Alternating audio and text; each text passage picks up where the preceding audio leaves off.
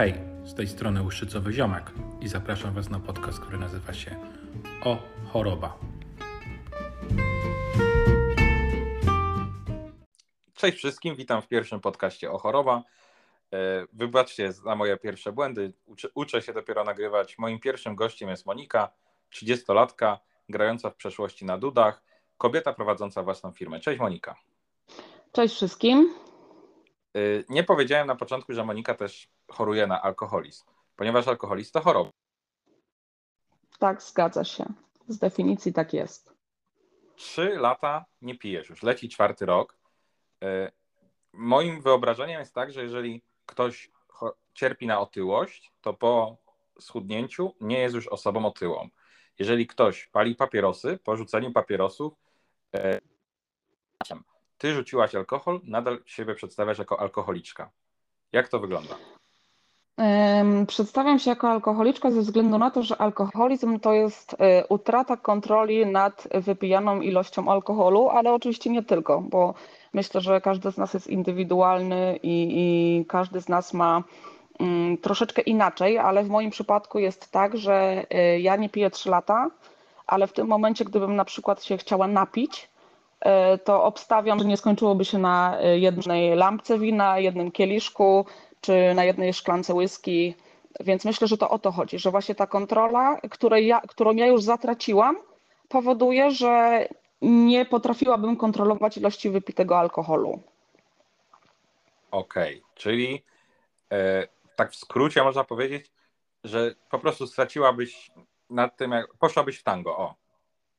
Y, może nie w tango, ale tak jak mówię, to ja uważam, że jeden kieliszek dla alkoholika jest jak na byka kartofel, w związku z czym trzeba by było wypić trochę więcej.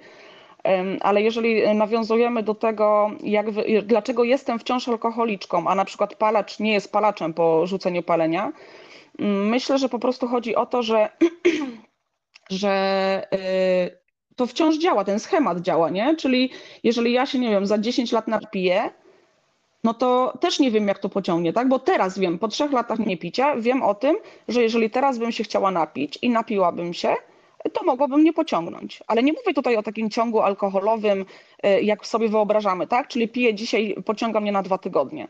E, ale to jakby zrujnowałoby całą moją koncepcję tego, że ja nie piję. Bo no tak, tak, naprawdę po co? No tak, bo to jest trzy lata ciężkiej pracy, domyślam się, bo tak. każdy uzależnia. Wyjście z tego uzależnienia. Tak. Powiedz mi, przeglądałem Twojego Facebooka, bo znamy się już długo, prawie dwa miesiące, więc to jest kawał o, czasu. Kurde, no to kawał czasu. Dokładnie. Przeglądałem Twojego Facebooka i teraz tak. E, cofnąłem się trochę tego czasu, czyli minąłem te trzy lata, gdzie jesteś trzecia, i widzę uśmiechniętą, radosną dziewczynę zwiedzającą może nie świat, ale Europę. E, nie widzę dziewczyny, która ma problem z alkoholem na Facebooku. Mm. Gdzie jest ta Monika, która ma problem z alkoholem? E, wiesz co, mm, nie wiem jak to jest w kwestii mężczyzn, ale e, kobiety mają takie triki jak e, dobry makijaż. My się bardzo, bardzo ukrywamy z tym, znaczy na pewno bardziej niż mężczyźni, ze względu na to, że widząc pijaną kobietę, wyrabiasz sobie jakiś stereotyp, tak? Mm, widząc pijanego mężczyznę, po prostu widzisz pijanego mężczyznę i jakby nie wchodzisz w ogóle dalej w myślenie o tym. E, poza tym druga rzecz jest taka. Widziałeś kiedykolwiek kogokolwiek, żeby wrzucał smutne zdjęcia? No nie, no media społecznościowe rządzą się tym, że wrzucasz swoje dobre chwile. Więc wiesz, jeżeli ja na przykład, nie wiem, miałam fatalny dzień, który, nie wiem, zapiłam setką, dwusetką, czy, czy większą ilością alkoholu, bo już po pewnym czasie to już była większa, większa ilość, no to nie wrzucam zdjęcia, nie? Wiesz o co chodzi? Wrzucasz zdjęcia z dobrych chwil swojego życia gdzie nie wy, wiesz, y, no tak jak mówię, makijaż czyni cuda. Y, druga rzecz jest taka, że wiesz, y, pozory mylą, po prostu, zwyczajnie. Więc no. nie widać. Ja, wiesz co, moi znajomi też byli zdziwieni, jak ja powiedziałam, że poszłam na terapię uzależnień, bo ja byłam zawsze bardzo komunikatywną osobą i bardzo taką otwartą na spotkania, imprezy i tak dalej, więc oni mnie widzieli tylko jak piłam na imprezach, gdzie piją tak naprawdę wszyscy. Więc no, nikt nie spodziewał się tego, jak ja piję w domu, bo to o to chodzi, że ja w domu piłam w taki sposób, ale nikt tego nie wiedział. Z tobą wywiad na mówiłaś, że pijesz wieczorem, rano trzeźwiejesz, rano jesteś skacowana, e, wieczorem, czyli dzielisz się tylko dobrymi chwilami. E, a z drugiej strony na Onecie mówisz, że cały czas pijesz. Czyli te dobre chwile też były po alkoholu, nie było ich na trzeźwo. E, Wiesz co, powiem ci, że tak, zazwyczaj. Bo wiesz, to nie musisz wypić, e, nie wiem, pół litra od razu. Wystarczy, że napijesz się setki, poczujesz ulgę, wrzucasz zdjęcie, bo się świetnie czujesz, masz świetny humor. E, Ja wiesz co, teraz na przykład patrząc na mojego Instagrama, czy, czy nawet właśnie na tego mojego Facebooka, to e, każde zdjęcie, które widzę, ja pamiętam jak się czułam. I to, że ja wyglądam na tym zdjęciu jak, na, jak, jak kobieta uśmiechnięta, zadowolona ze swojego życia, to wcale nie musiało tak być. Większość moich zdjęć jest zrobiona na potrzeby e, podniesienia mojego poczucia własnej wartości, e, dostawania lajków. No umówmy się, że każdy z nas jest w jakiś sposób atencyjny e, i ja w tych gorszych momentach mojego życia po prostu potrzebowałam tego. Czy to było po setce, bo na trzeźwo, wiesz co, ja pamiętam przez, tą, przez te moje lata picia, zrobiłam sobie chyba dwa dni przerwy na zasadzie, wiesz, już męczyłam się tym alkoholizmem, znaczy tym, tym piciem. I miałam taki moment, że y, postanowiłam sobie nie pić dwa dni. To był kurwa dramat. To, to dla mnie, to była dla mnie walka wewnętrzna po prostu, żeby się nie napić. To, to było straszne. Także tak, ja codziennie piłam. Okej. Jak długo to trwało? Wiesz co, ja zaczęłam imprezować tak y, częściej, co weekend, jak skończyłam 16 lat. Wiesz, ja miałam dużo starszego brata, w związku z czym y, zawsze miałam kogoś, kto się mną opiekuje. Więc wychodziłam sobie na imprezy. Na początku to było picie, wiadomo, weekendowe, nie? No bo miałam 16 lat, to trudno, żebym w ciągu tygodnia waliła, jak szłam, y, nie wiem, rano do szkoły, tak? W, w ciągu tygodnia. Ale jak przechodziły weekendy, to sobie nie, nie żałowałam, nie? No w niedzielę wiadomo, trzeźwienie, no bo w poniedziałek trzeba iść do szkoły. Y, Więc weekendy były bardzo intensywne. A z czasem, wiesz co, tak w ciągu tygodnia chyba zaczęłam sobie popijać, no jak już byłam starsza. Tak, nie wiem, mogłam mieć z 19 lat, 18. Wiesz co, dokładnie nawet nie pamiętam, bo te lata były, to, było, to jest tak długi proces, że nawet teraz mając, bo ja mam teraz 32 lata, 33 skończę w tym roku, to to był tak długi proces, że ja nawet nie pamiętam, kiedy zaczęłam pić w ciągu tygodnia. Skąd u młodej kobiety pieniądze na to? Bo alkoholizm jest drogim hobby, e, drogim uzależnieniem, drogą chorobą. Mm, Wiesz co, na początku, z racji tego właśnie, że mówię, miałam starszego brata, on miał e, wtedy dziewczynę, która zresztą stała się moją najlepszą przyjaciółką. Ja się nie martwiłam, bo ja zawsze miałam kogoś, kto mi postawił. Wiesz, jakby e, może, na, wiesz, zabrzmiało to co najmniej dziwnie, ale na przykład, nie wiem, e, chodząc na imprezy właśnie ze starszym bratem, e, z jego dziewczyną, zawsze po prostu albo oni mi stawiali, e, moja bratowa wtedy też, a czy bratowa, no wtedy dziewczyna mojego brata e, miała też swój sklep e, spożywczy, więc też zawsze było, wiesz, zawsze, zawsze było gdzieś dojście na takiej zasadzie. Zawsze było, zawsze, nie wiem, imprezy, zawsze ktoś przyniósł flaszkę, zawsze ktoś przyniósł, przyniósł jakieś wino e, i tak dalej, więc to też to jakby, wiesz, tak naprawdę dla chcącego nic trudnego. To wcale nie jest trudno znaleźć. Później zaczęłam pracować, ja już zaczęłam pracować, jak byłam w technikum, więc wiesz, więc ja nie miałam zbyt dużo wydatków, no bo tak naprawdę, y, wiesz, wtedy jeszcze mieszkałam z moją mamą i z moim bratem, więc y, jedzenie było, wszystko było, spać gdzie miałam, więc tak naprawdę wszystkie pieniądze, które zarobiłam, to mogłam zostawiać dla siebie. Poza tym wiesz, to były takie lata, że wtedy tanie wina kosztowało, nie wiem, wino kosztowało z 5 zł, tak? Szło się z ekipą, każdy kupował sobie po winie i 5 zł i masz imprezę, no. No tak, Także no, wiesz, to wcześniej wyglądało trochę inaczej niż teraz. Przede wszystkim kiedyś e, alkohole kolorowe były też tańsze, te wszystkie małpki, nie małpki, z tego co ja Tak. pamiętam, że teraz, nie wiem, 10-12 zł to jest norma, a wtedy to były 3-4 zł i, Tak. i każdy... Znaczy, to Tak? teraz totalnie się nie orientuję, ile flaszka kosztuje, także wiesz, nie, nie, nie śledzę tego. No w podrożeniu, że ci powiem, że ostatnio małpkę kupowałem za 9,99 w promocji. Czyli Małpkę, czyli 100 ml. Małpkę, czyli y, 90 ml teraz małpki. A no tak, racja, bo słyszałam, że to się zmieniło. No Tak. to powiem ci, że ja piłam za czasów, kiedy ona kosztowała 5 zł z groszami, nie? No właśnie, więc czyli, czyli tutaj też jakby y, choroba robi się coraz droższa. E, mężczyzna, widzę mężczyznę uzależnionego, często jest to osoba, która, jest nie, y, która jest bezdomna, widzę mężczyznę uzależnionego, y, też jakby są dwa rodzaje alkoholizmu, tak sobie wyobrażam, że są ten alkoholizm taki e, można powiedzieć, tani i biedny, tak? Albo Mhm. bogaty, bogaty i biedny, e, gdzie no, ten biedna osoba jest rzeczywiście gdzieś tam na ulicy, już rzeczywiście jest stoczona, ale też są bogaci alkoholicy, białe kołnierzyki, kobiety sukcesu. Jasne. Taki ukryty alkoholizm mi się wydaje. Znam osobę, zresztą ty jesteś drugą osobą, która codziennie przychodziła po pracy, piła butelkę wina do książki. Gdy odrzuciła tą butelkę wina, się okazało, że jest alkoholiczką. E, Mhm. Kobiety piją, wydaje mi się, w ciszy, właśnie te białe kołnierzyki piją w ciszy. W ciszy, w zaciszu domowym. Czy to jest prawda, czy... E, Wiesz co, powiem Ci, że problem polega na tym, że to są tak zwani alkoholicy wysoko funkcjonujący, czyli spełniający wszystkie swoje. e, Jeszcze raz? Ma to nazwę. Tak. Tak, tak, tak, tak. E, To, to się nazywa alkoholik wysoko funkcjonujący, czyli e, najczęściej to są osoby, które e, są odpowiedzialne, które spełniają swoje wszystkie rzeczy do zrobienia, czyli chodzą do pracy, dbają o dzieci i tak dalej. Problem jest, jest taka różnica między kobietami a mężczyznami, że kobiety piją w samotności częściej. Na zasadzie właśnie tak jak mówisz, wracają po pracy do domu. Ja nie wiem, jak to jest w kwestii e, bycia matką, bo ja osobiście e, matką nie jestem, więc też jakby nie chcę tutaj się wypowiadać za wszystkie kobiety, ale mężczyzna często szuka towarzystwa do tego, żeby się napić. Ja mam na przykład tak, y, miałam tak, że właśnie wracałam do domu, kupowałam sobie, nie wiem, właśnie wino czy whisky, bo ja w ogóle byłam bardzo fanką whisky i sobie właśnie do tej książki, czy do jakiegoś serialu, czy do, do czegokolwiek po prostu popijałam. Więc wiesz, ja nie potrzebowałam towarzystwa do tego, żeby się napić. Jasne, w weekendy wiadomo, że ludzie się spotykali, była impreza, bo, bo zazwyczaj tak było. Nawet jak nie było imprezy, to człowiek sobie znajdo, znajdował zajęcie takie, żeby, żeby to było ze znajomymi, czy, czy wśród jakichś tam innych ludzi. Ale w ciągu tygodnia, tak, ja piłam samotnie. Ja nie potrzebowałam w ogóle towarzystwa do tego, żeby, żeby się cieszyć tym piciem, nie? To jest straszne. No ale nawet y, popkultura pokazuje kobietę sukcesu jako kobietę, y, mi się tak wydaje, z książką, z kominkiem i butelką wina. Tak jak sobie, nawet pierwsze co sobie wyobrażę kobietę sukcesu, która mówi popkul- taka z filmu, czy na przykład oglądając filmy z Bondem, y, no to kobieta sukcesu ma ten kieliszek martini, siedzi przy barze i czeka na swojego tego Bonda. Y, Tak to jest przedstawiane. E, Wiesz co, to wszystko media.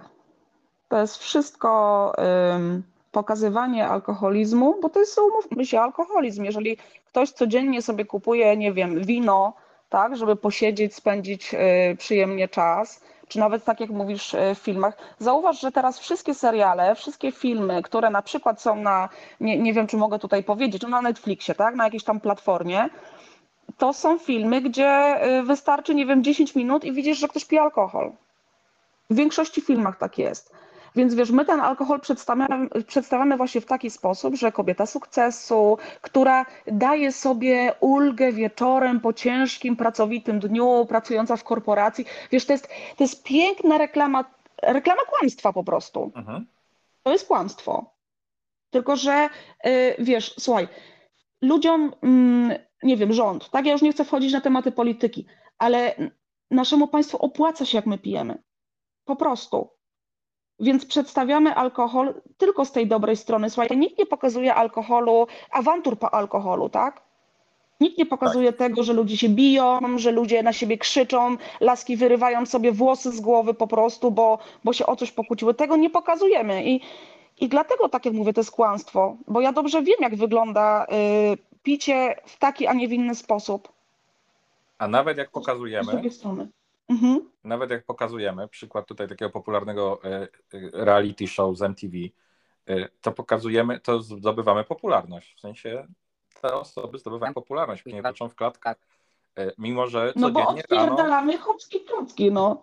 Wiesz o co chodzi? Słuchaj, ludzie tak. potrzebują sensacji, a to jest sensacja, bo patrzysz sobie i mówisz, no kurwa, no nie wierzę, że ludzie się tak zachowują. A tak naprawdę A- większość ludzi się tak zachowuje po alkoholu. ale z drugiej strony właśnie te młode osoby też przedstawiają y, i tam jest też ważne, że tam jest pół na pół właśnie, tutaj mówimy o alkoholizmie wśród kobiet, y, że jednak 6, pro, 6 osób z 12 tych uczestników to są kobiety. I to Mhm. jest tak jakby normalizowanie tego alkoholu, mi się wydaje. Y, I to są młode kobiety, bo to są 18, 19, 20 latki. I to no też to jest taka przykre. mi się wydaje, tak? Alkoholizmu dla młodych kobiet, czyli uzależnienia społeczeństwa od alkoholu, tak mi się wydaje. Tak. Tak. Czy wiesz co, ja bym to porównała y, kiedyś, ja bym to porównała do mody. Pamiętasz lata 90., jak były modne dzwony? To Pamiętam. wiesz, wszyscy chodzili w dzwonach. Nagle, już nie pamiętam, to- tam nie będę mówiła latami, nagle zaczęły być modne rurki. I większość ludzi, która chodziła w dzwonach, mówiła, Boże, jak można chodzić w takich spodniach, w ogóle biodrówki. wiesz, wszystko widać. Tak, ale chodzi mi bardziej o to, że zobacz, że to, co, na co my się, wiesz, to, to chodzi o to, żeby coś nam się opatrzyło. Czyli w momencie, kiedy y, weszła moda na rurki, osoby, które nosiły dzwony, po pewnym czasie też zaczęły nosić rurki, bo się napatrzyły. Wie, wiesz o co mi chodzi? Mhm. Chcę o tym powiedzieć, że jeżeli widzisz w mediach społecznościowych, czy w filmach, y, czy, czy w jakimś właśnie reality show kogoś, kto pije, to zaczyna to być dla ciebie normalne. Czyli wiesz, w momencie, kiedy, nie wiem, laski odpieprzają jakieś akcje na imprezach, to z, z jednej strony masz to takie, kurde, no ale odpieprzają, nie? A później widzisz coś takiego, nie wiem, na ulicy i nie robi to na ciebie, na tobie wrażenia. Więc wiesz, jest, y, y, alkohol y, w- jakby w mediach społecznościowych jest funkcją po prostu przyzwyczajania ludzi do tego, że, no, że ten alkohol po prostu jest i nikogo nie, y, i wszystkich przestaje to dziwić. Dlatego ja jestem taka na przykład przeciwna reklamom alkoholu. Reklamy, wchodzimy do sklepu, jest kolorowy alkohol, który jest skierowany do kobiet. Wszyscy specjaliści od alkoholizmu mówią, że kolorowe, no, chociażby nie wiem, 10 lat temu e, nie. Na chwilę obecną, wchodząc do sklepu, mamy dwusetki czy setki wina e, reklamowany do kobiet, tak? Skierowany do kobiet. E, No tak, bo mężczyźni ma często mówią, że nie lubią. tak, Mhm. no, w ogóle kolorowy, tak? Ko- kolory, Tak. no bądźmy szczerzy, kupujemy my też kolorami, tak? Młodzież, kobiety, e, faceci też kupują kolorami, opakowaniem. Ten alkohol naprawdę jest zapakowany w tak ładne opakowania, że czasem po prostu aż cieszy wzrok. Widzę po sobie. Warto iść i Oczywiście. popatrzeć na butelki.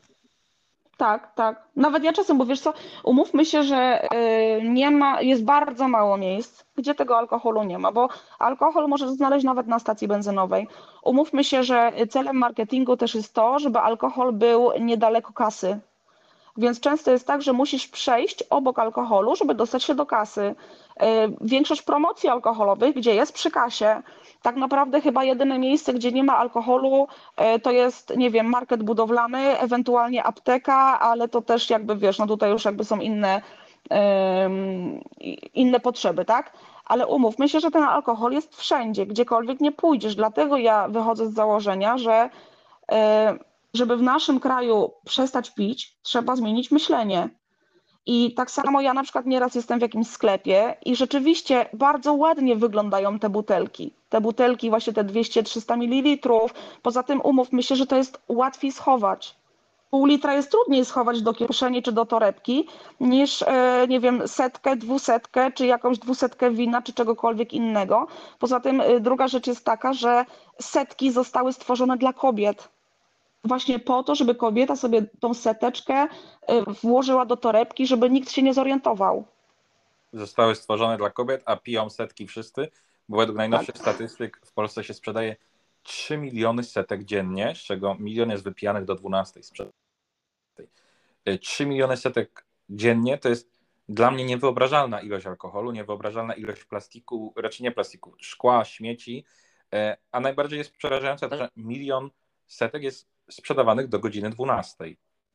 Tak, I Ludzie pracy, idący do pracy, w trakcie pracy i tak jak mówisz, łatwiej schować. To jest przerażające. tak, tak. I powiem Ci, że też często jest tak, że ktoś wraca z nocki i Mhm. żeby pójść spać, kupuje sobie setkę. Oczywiście ja myślę, że ta setka to jest dodatek tak naprawdę, bo ja na przykład często się spotykam e, w sklepie tutaj osiedlowym z tym, że na- najczęściej widzę panów. Panie też się zdarzyły, ale jednak najczęściej widzę panów, którzy kupują sobie czteropaka i do tego setkę. Zestaw Albo na przykład dwusetkę, nie? Tak, Zestaw tak, tak, Setka. na spanie. tak, To- tak. tak. Ja to nazywałam starter pack, okej, czyli no, piwo i setka, starter pack. Tak, ta osoba schodzi z nocki, budzi się, wsiada w samochód, jedzie odebrać dzieci i teraz pytanie, czy jest trzeźwa, czy nie jest trzeźwa, to już jest y, jakby temat na inną rozmowę, ale jest to przerażające Y, i ułatwia, tak? Ułatwia zaśnięcie, alkohol ułatwia zaśnięcie, ułatwia się rozluźnienie. Y, Na pewno też to jakiś był efekt, że piłaś, tak? I przestawałaś pić i nagle przychodziły problemy. Mm, Wiesz co, problemy były cały czas. Nawet po Tylko alkoholu. nasz. Tak, tylko wiesz, po alkoholu, słuchaj, umówmy się tak, że nasz y, mózg szuka najszy, najszybszego rozwiązania do tego, żeby poczuć ulgę. Mm, Wiesz, problemy nie znikają po tym, jak się napijesz, tylko ty całkiem inaczej je odczuwasz. Wtedy ci tak bardzo nie zależy, wtedy sobie myślisz, jakoś będzie, nie?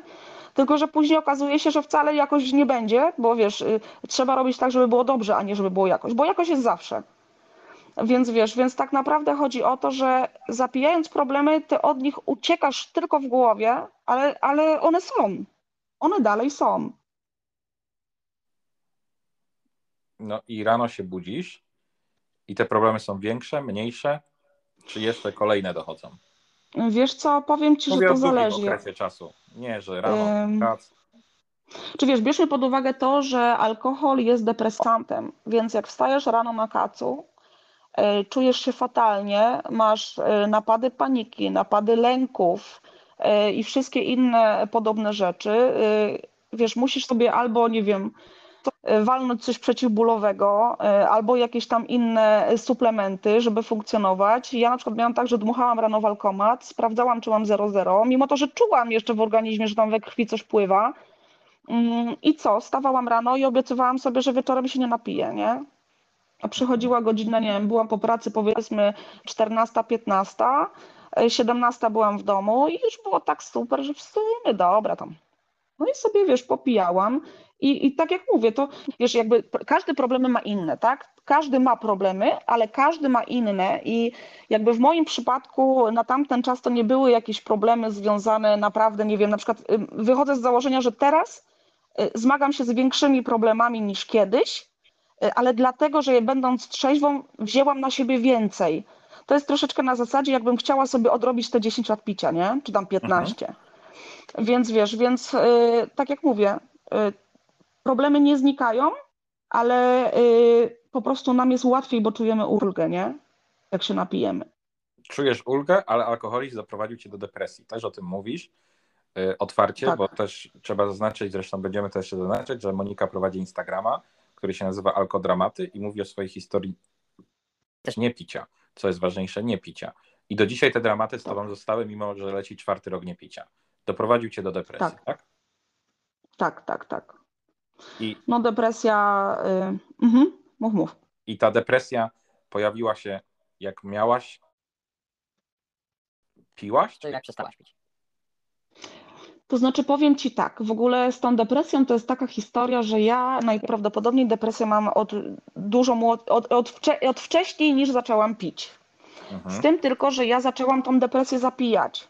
Więc wiesz, więc w momencie, kiedy ja piłam i zapijałam swoją depresję, która już była w latach młodzieńczych, e, o czym się wtedy nie myśli, tak? No bo kto myśli o tym, że młodzież ma depresję? Teraz na to patrzymy całkiem inaczej, ale te 15 lat temu to była całkiem inna wizja tego. Więc wtedy nikt nie zwraca uwagi, czy ktoś ma depresję, czy ktoś się czuje lepiej, czy gorzej.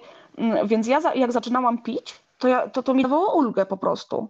Ulgę w tej depresji, którą wtedy odczuwałam, y, tylko że to się zapętla, wiesz, w momencie, kiedy zaczynasz pić, bo chcesz sobie załagodzić jakieś tam, wiesz, napięcie, y, poczuć ulgę i tak dalej, to zaczynasz po prostu wpadać w błędne koło, czyli zaczynasz pić, zapijać swoją, y, może nawet nie depresję, ale swoje samopoczucie zaczynasz zapijać, wstajesz rano i to się pogłębia wszystko, więc wpadasz w błędne koło codziennego e, spożywania albo weekendowego, bo to wiesz, ja nie wiem jak to wygląda w kwestii e, ludzi, którzy jakby tej depresji nie mają, bo ja w ogóle obstawiam, że większość e, alkoholików pije, bo wiesz, picie to jest jakby wierzchołek góry lodowej, to jest wynik czegoś.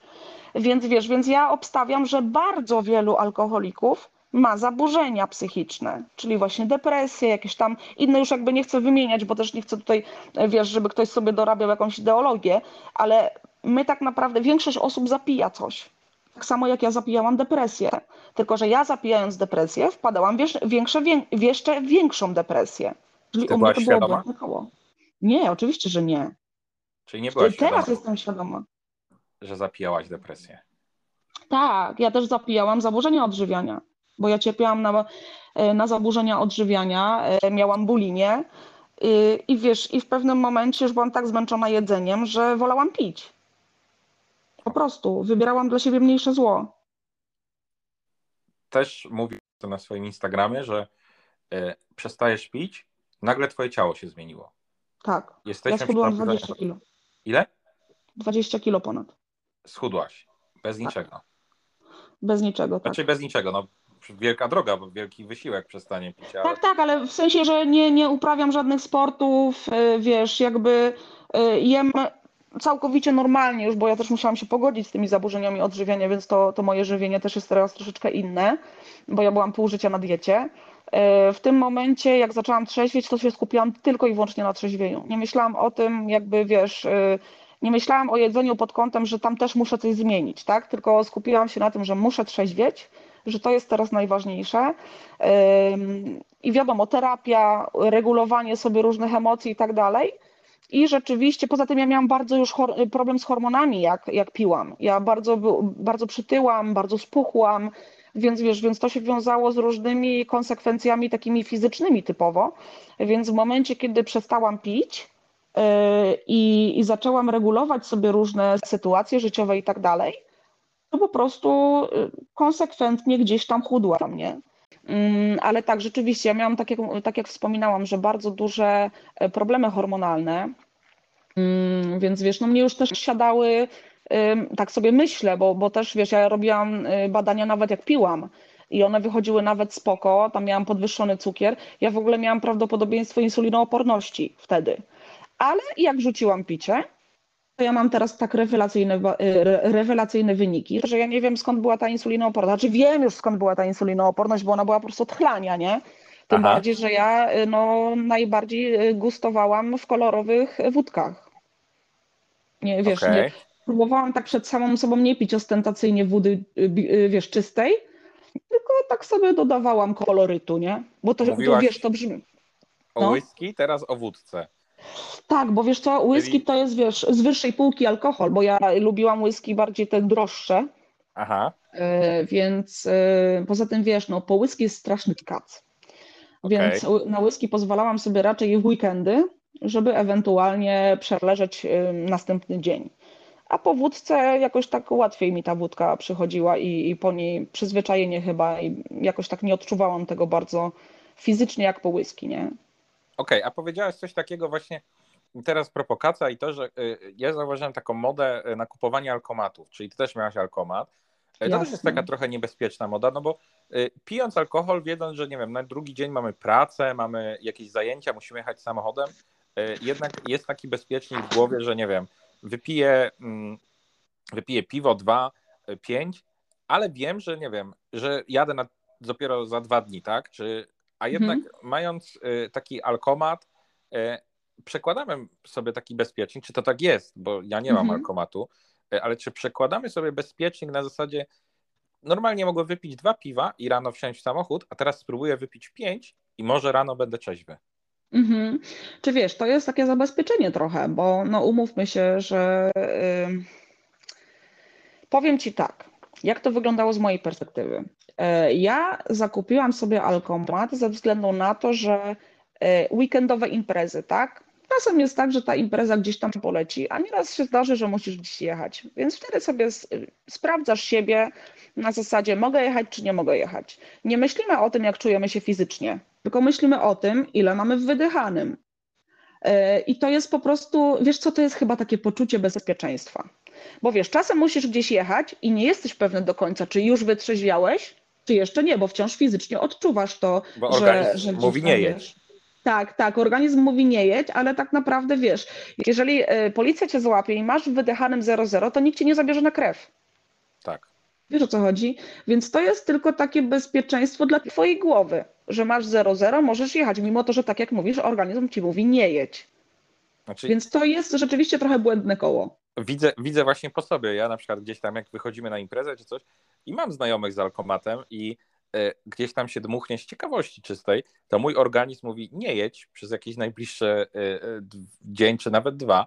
Mhm. a, a, a z kolei alkomat mówi 0,0, a z, u innych organizm mówi o super się czujesz, alkomat mówi no dobra, masz jeszcze promil, tak?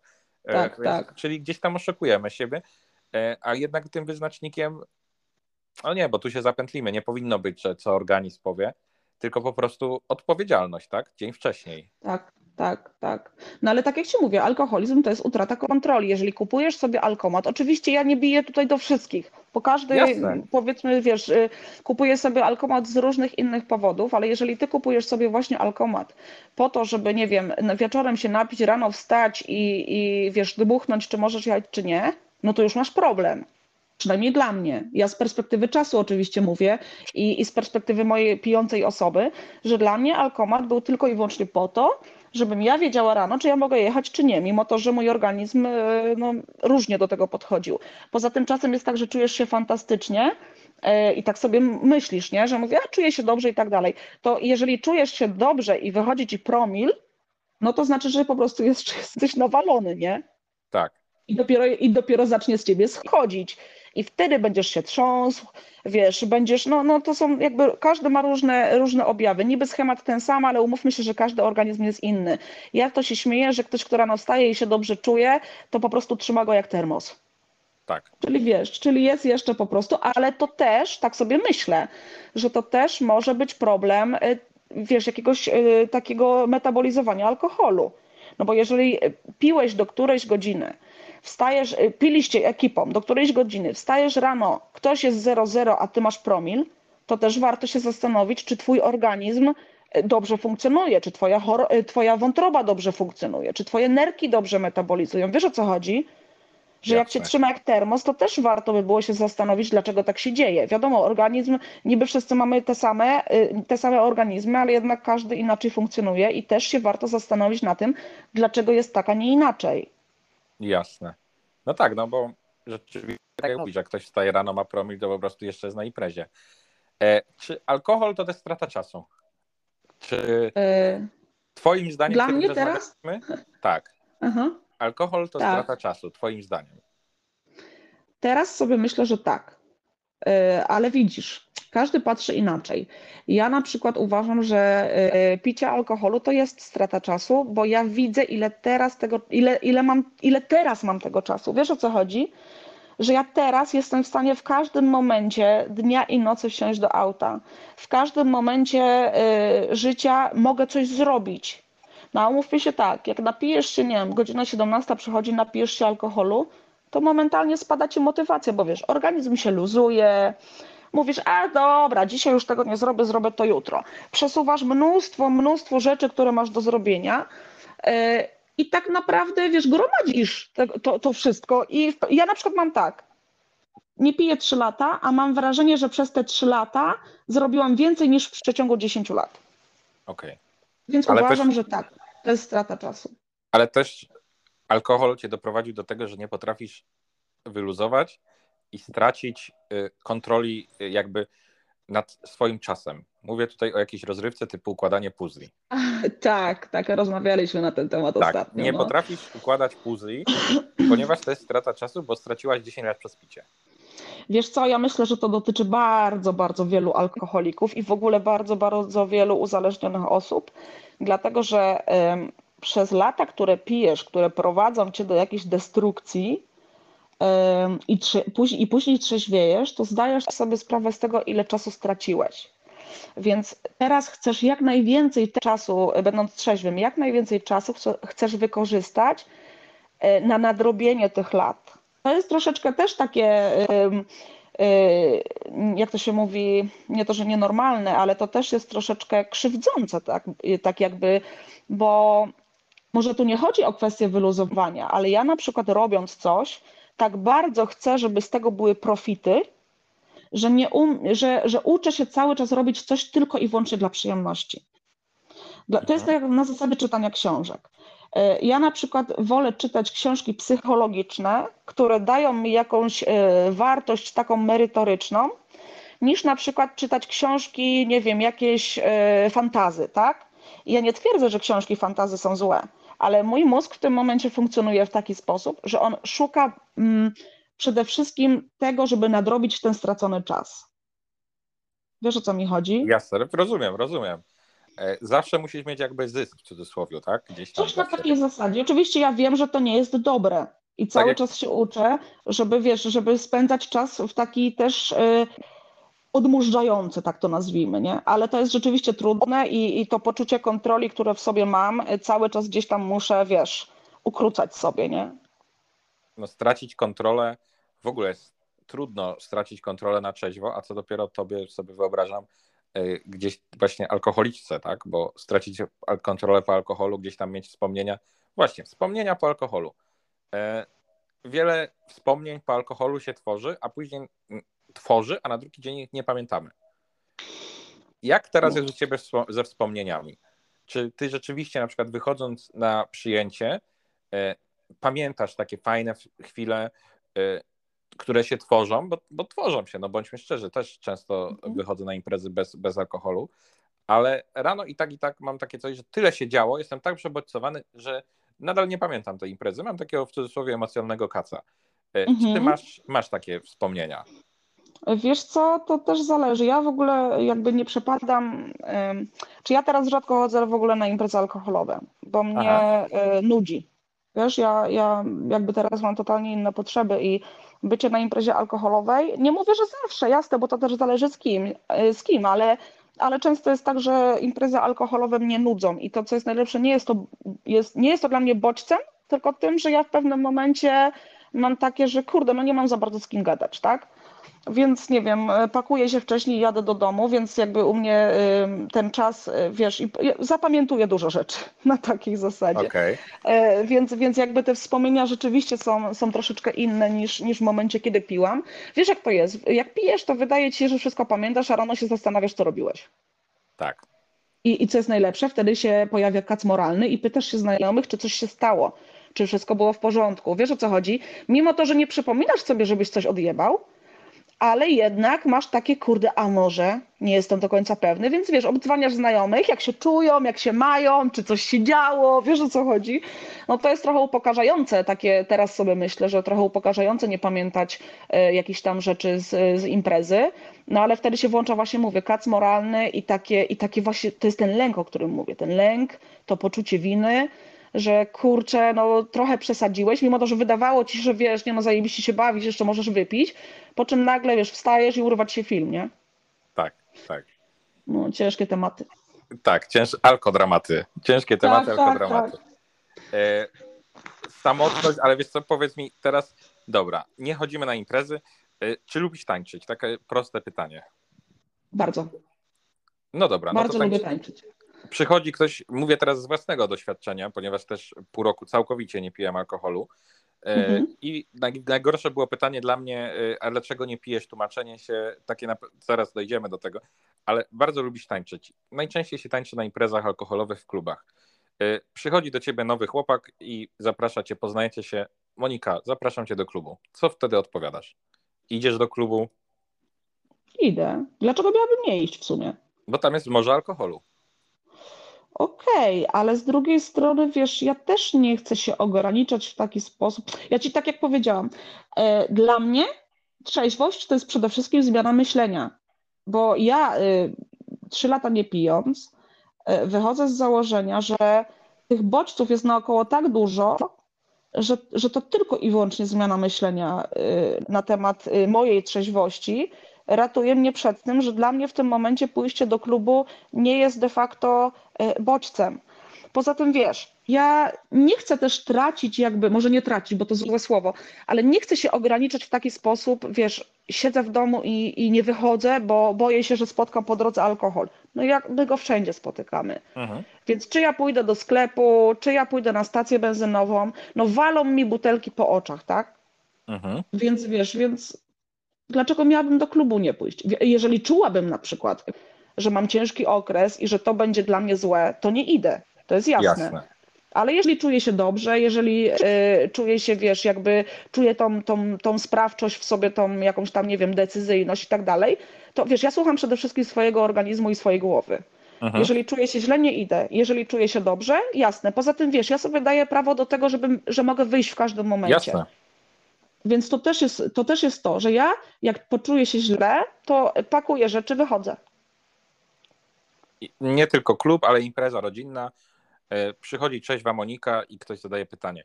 E, Na, napijesz się? Odpowiadasz nie. Dlaczego się nie napijesz? Albo ze mną się nie napijesz. Zdarzają ci się takie pytania. Wiesz co, już teraz nie. Już teraz nie, dlatego że od kiedy prowadzę alkodramaty i od kiedy jakby oficjalnie mówię o tym, że, że mam problem alkoholowy yy, i że jestem uzależniona, to ludzie wiedzą, więc ja już nie dostaję takich pytań. Zdarzyło się parę razy, że rzeczywiście ktoś mnie nie znał. Mhm. Nie znał, spotykałam jakąś obcą osobę na imprezie tam yy, ze znajomymi, no i wiesz, a to ty pijesz? No ja nie piję. Więc wiesz, pierwsze to tak, yy, dlaczego? No odpowiadam, no bo tak zdecydowałam, tak, że nie piję. No i wiesz, czasem jest tak, że ktoś odpuszcza, a czasem jest tak, że no ale to co? Y, Przyjechałaś autem? Oczywiście zdarzyło mi się pytanie, czy jestem w ciąży, czy jestem chora, czy biorę antybiotyki, wiesz, mnóstwo takich rzeczy. Y, Po pewnym czasie zaczęłam, y, przestałam już tłumaczyć, tylko mówię, nie, bo jestem alkoholiczką i nie piję. I wiesz, ja to, ja to generalnie lubię, bo, bo zazwyczaj jest dziwne spojrzenie ludzi i są tacy troszeczkę zażenowani w ogóle, że wiesz, że pytali. E, Ale z drugiej strony, wiesz, ja nie uważam, że alkoholizm w jakikolwiek sposób mnie definiuje jako osobę. E, Wiesz, jakby je- jeden choruje na to, drugi choruje na tamto, no ja choruję na alkoholizm i tyle, no, no jestem uzależniona. Więc jakby nie, nie, jest to żadne, nie jest to żadna ujma dla mnie. Łamiesz temat tabu, no bo y, to, co zaczynaliśmy naszą rozmowę, patrząc Mhm. na ciebie, nie widzimy tego alkoholizmu, tak? Y, Nie widzieliśmy nawet na zdjęciach gdzieś wcześniej, po prostu tak jak sama przyznałaś, nawet znajomi byli zdziwieni, że jesteś alkoholiczką, łamiesz temat Tak. tabu. Y, To, co Myślę, powiedziałaś, tak. to, co właśnie powiedziałaś, nawet to nie picie na imprezach, myślę, że to jest taki y, mocny dosyć zdziwienie osób. Mhm. Y, I sama mówisz, że właśnie osoby, osoby później głupio im, że zadały takie pytanie. Też, ale wiesz co, ja mam takie w ogóle wrażenie, że osoby trzeźwiejące, takie jak ja, idąc na imprezy, gdzie jest alkohol, czują się czasem dziwnie. Na zasadzie, wiesz, y, często było tak, że czułam jakiś rodzaj wykluczenia. Teraz już tego nie czuję, ale, ale towarzyszyło mi takie poczucie właśnie, że ja odstaję. Wiesz o co chodzi? Mhm. Że ja się czułam jakby ta gorsza. Na zasadzie, wiesz, wszyscy piją, są y, zdrowi i tak dalej, a ja jestem ta, ta, wiesz, może nie, że zła, ale ta gorsza, y, która nie pije i wszyscy na mnie patrzą, nie? A z perspektywy czasu, teraz już właśnie po trzech latach nie picia, ja mam wrażenie, że to tak naprawdę nie ja mam problem, tylko osoby pijące w moim towarzystwie. Na zasadzie mają problem, wiesz jaki? Że patrzą na mnie y, i czują się gorsi, czego nie rozumiem totalnie. Czego nie rozumiem totalnie, bo ja w życiu nikogo nie oceniam. Jeżeli ktoś chce pić, to niech pije. Nie moją rolą jest, żeby y, oceniać kogokolwiek picie. Ale zdarzyło mi się, że ktoś, kto pił, powiedział do mnie, że on się źle czuje w moim towarzystwie, że ja patrzę na niego z góry. A to jest totalna nieprawda. Wiesz o co mi chodzi? Okej. Że ludzie, którzy piją, nie bardzo przepadają za przebywaniem y, z trzeźwymi ludźmi, bo po prostu czują się gorzej. A Czują ja się teraz oceniani sobie- pewnie. Tak, tak, czują się właśnie bardzo oceniani, co mnie, co mnie dziwiło zawsze, dlatego że ja nigdy nie dawałam, wiesz, znać po sobie, że, że traktuję kogoś gorzej czy cokolwiek innego, Y, ale rzeczywiście w pewnym momencie zostałam, y, przestałam być zapraszana na imprezy z dwóch powodów, bo ktoś się bał, że ta impreza będzie dla mnie bodźcem i ktoś czuł się skrępowany przy mnie, bo myślał, że ja go oceniam. Wiesz o co chodzi? Mhm. To jest, to, jest, to jest trudne, dlatego że to są jakby konflikty z obu stron. Ja się czuję gorzej, bo nie piję, a ktoś się czuje gorzej, bo pije. Czyli wyjście z alkoholizmu, wyjście z uzależnienia to też y, utrata znajomych. Wiesz co, nie wiem, czy nazwałabym to utratą znajomych, ale na pewno niektóre relacje się rozluźniają. I to się dzieje po prostu naturalnie. Tam się nie musi nic dziać. Wiesz, i w pewnym momencie, jak jesteś trzeźwy, y, zaczyna, y, pracujesz nad sobą, bo oczywiście y, jakby ta trzeźwość, to wszystko się otacza wokół terapii. Że wiesz, to wszystko się wiąże z terapią. W momencie, kiedy chodzisz na terapię i zaczynasz poznawać siebie, zaczynasz ustalać sobie swoje wewnętrzne priorytety, i zaczynasz wybierać, stawiać granice i wybierać jakby to, co jest dobre dla ciebie. Więc niektóre relacje kończą się po prostu, bo zaczynasz y, patrzeć inaczej na życie. I to nie jest tak, że patrzysz na kogoś i myślisz sobie, o kurde, nie chcę się z nim spotykać, bo on jest taki czy siaki. Nie, po prostu w pewnym momencie to się rozluźnia, bo, bo nie wiem, okazuje się, że nie masz już z kimś wspólnych tematów, że wiesz, że jakby y, nie to samo flow, że nie odpowiada ci energia. Po prostu. Poza tym, wiesz, ja też odczułam, że ktoś się ode mnie odsuwa. To też nie jest tak, że ja się odsuwam od wszystkich, bo to w ogóle nie tak, nie tak działa. Ale też jest tak, że ktoś zaczyna zauważać, nie wiem, inne moje zachowania, inne podejście i, i ja przestaję na przykład tej osobie odpowiadać. Wiesz o co chodzi? Jasne. W ogóle cały czas się powtarzam, wiesz o co chodzi. No ale ty wiesz o co chodzi. Ja wiem o co chodzi. Myślę, że te osoby, które nas będą słuchać i nas słuchają, też myślę, że wiedzą o co chodzi i też tak jak ja kiwają głowami. Tak. Mm, Monika, co byś chciała powiedzieć, tak, bo będziemy kończyć, zaraz się zbliża godzina. Co byś chciała Mhm. powiedzieć do osób, które rzeczywiście y, siedzą w domu, gdzieś tam przychodzą z pracy, wypijają to piwo, te whisky czy, czy, czy winko na rozluźnienie. Y, nie tylko do kobiet, bo też po prostu do wszystkich. Y, I zastanawiałem się po, dzisiejszym, po dzisiejszej rozmowie z tobą, kurde, a może ja rzeczywiście to piwo nie ma tej kontroli, może rzeczywiście codziennie przychodzę po pracy i myślę sobie, a dzisiaj piwko, albo na przykład siedzę w tej pracy i odliczam czas do tego piwka, E, czy na przykład w piątek jest ładny weekend, o kurde, jeszcze parę godzin do tego piątku, piątunia i, i, i, i liczę do tego wina, do tego spotkania z znajomymi co by, i, i gdzieś tam tracą tą kontrolę. Co byś chciała powiedzieć do takich osób? Jeżeli myślą po pracy, a czy w pracy o tym, żeby się po pracy napić, to to już jest ta czerwona lampka. Że wiesz, że, że już jeżeli, no to już jest jakiś sposób utrata kontroli, myślenie o tym po prostu, że wrócę do domu i się napiję. E, Chciałabym powiedzieć, że szkoda czasu, że naprawdę życie potrafi być piękne na trzeźwo. E, Przede wszystkim, e, co dla mnie jest najważniejsze i co wyciągam z trzeźwości, to przeżywanie uczuć i emocji bardzo świadomie. Dlatego, że ja teraz dopiero wiem, jak strasznie próbowałam stłamsić te moje, to moje cierpienie, te negatywne emocje, co się wiązało z tym, że pozytywne emocje też były stłumione bardzo mocno. Więc ja w tym momencie, patrząc na świat, odczuwam totalnie y, inne emocje niż kiedyś. One są bardzo takie trzeźwe, takie powiedziałabym dojrzałe, świadome. To jest, to jest niesamowite. Wiadomo, że odczuwając y, bardzo świadomie pozytywne emocje, tak samo odczuwamy negatywne emocje, ale też na trzeźwo sobie totalnie inaczej z nimi radzisz. I czy ja bym powiedziała tak, czy opłaca się być trzeźwym? Jak najbardziej. Ja teraz nie wróciłabym, y, nie wróciłabym do tego, co było. Ja, co jest najlepsze, w momencie y, trzech lat terapii, ja tak zmieniłam myślenie, że y, dla mnie to jest po prostu strata życia. Jaka, jakakolwiek, nawet jak pijesz sobie, nie wiem, weekendami imprezujesz i, i do odcinki niedzielę leżysz, e, bo są ludzie, którzy twierdzą, że mają potrzebę takiego e, resetu raz w tygodniu, to jest strata życia. Strata czasu, my tak czekamy od poniedziałku do piątku, byle przeżyć ten tydzień i impreza w weekend. Co to jest za życie? Jeżeli ty od poniedziałku liczysz, y, wiesz, czekasz na piątek. Ty w ogóle totalnie ludzie, którzy tak działają, gdzie ja tak działała, działałam, y, tracą życie. Po prostu. Czyli generalnie strata życia, czasu, zdrowia i też pieniędzy pewnie, bo takie imprezowanie weekendowe czy codzienny alkoholizm jest y, dużo droższy niż terapia, podejrzewam. Oczywiście. Y, No nawet sobie, Tak? No, mów.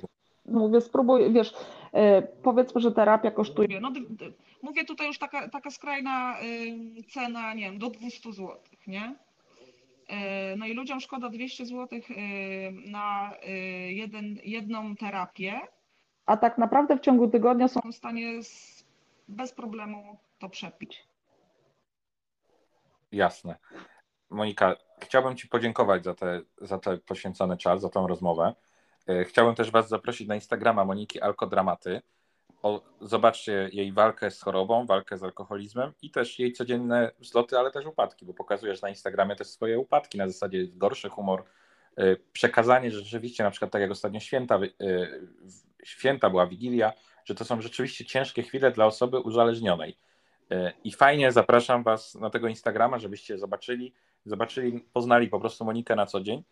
I dziękuję Ci bardzo za tą rozmowę. Ja również dziękuję. E, Chciałabym powiedzieć, że trzeźwe życie jest super, także nie bójcie się go i naprawdę nie musi być nudne, tylko musicie w to uwierzyć. E, I również zapraszam do mnie na Instagrama. Dzięki bardzo. To był podcast o choroba. Prowadził go Łuszczycowy Ziomek. Zapraszam na Instagrama Moniki oraz do mnie. Trzymajcie się, miłego dnia.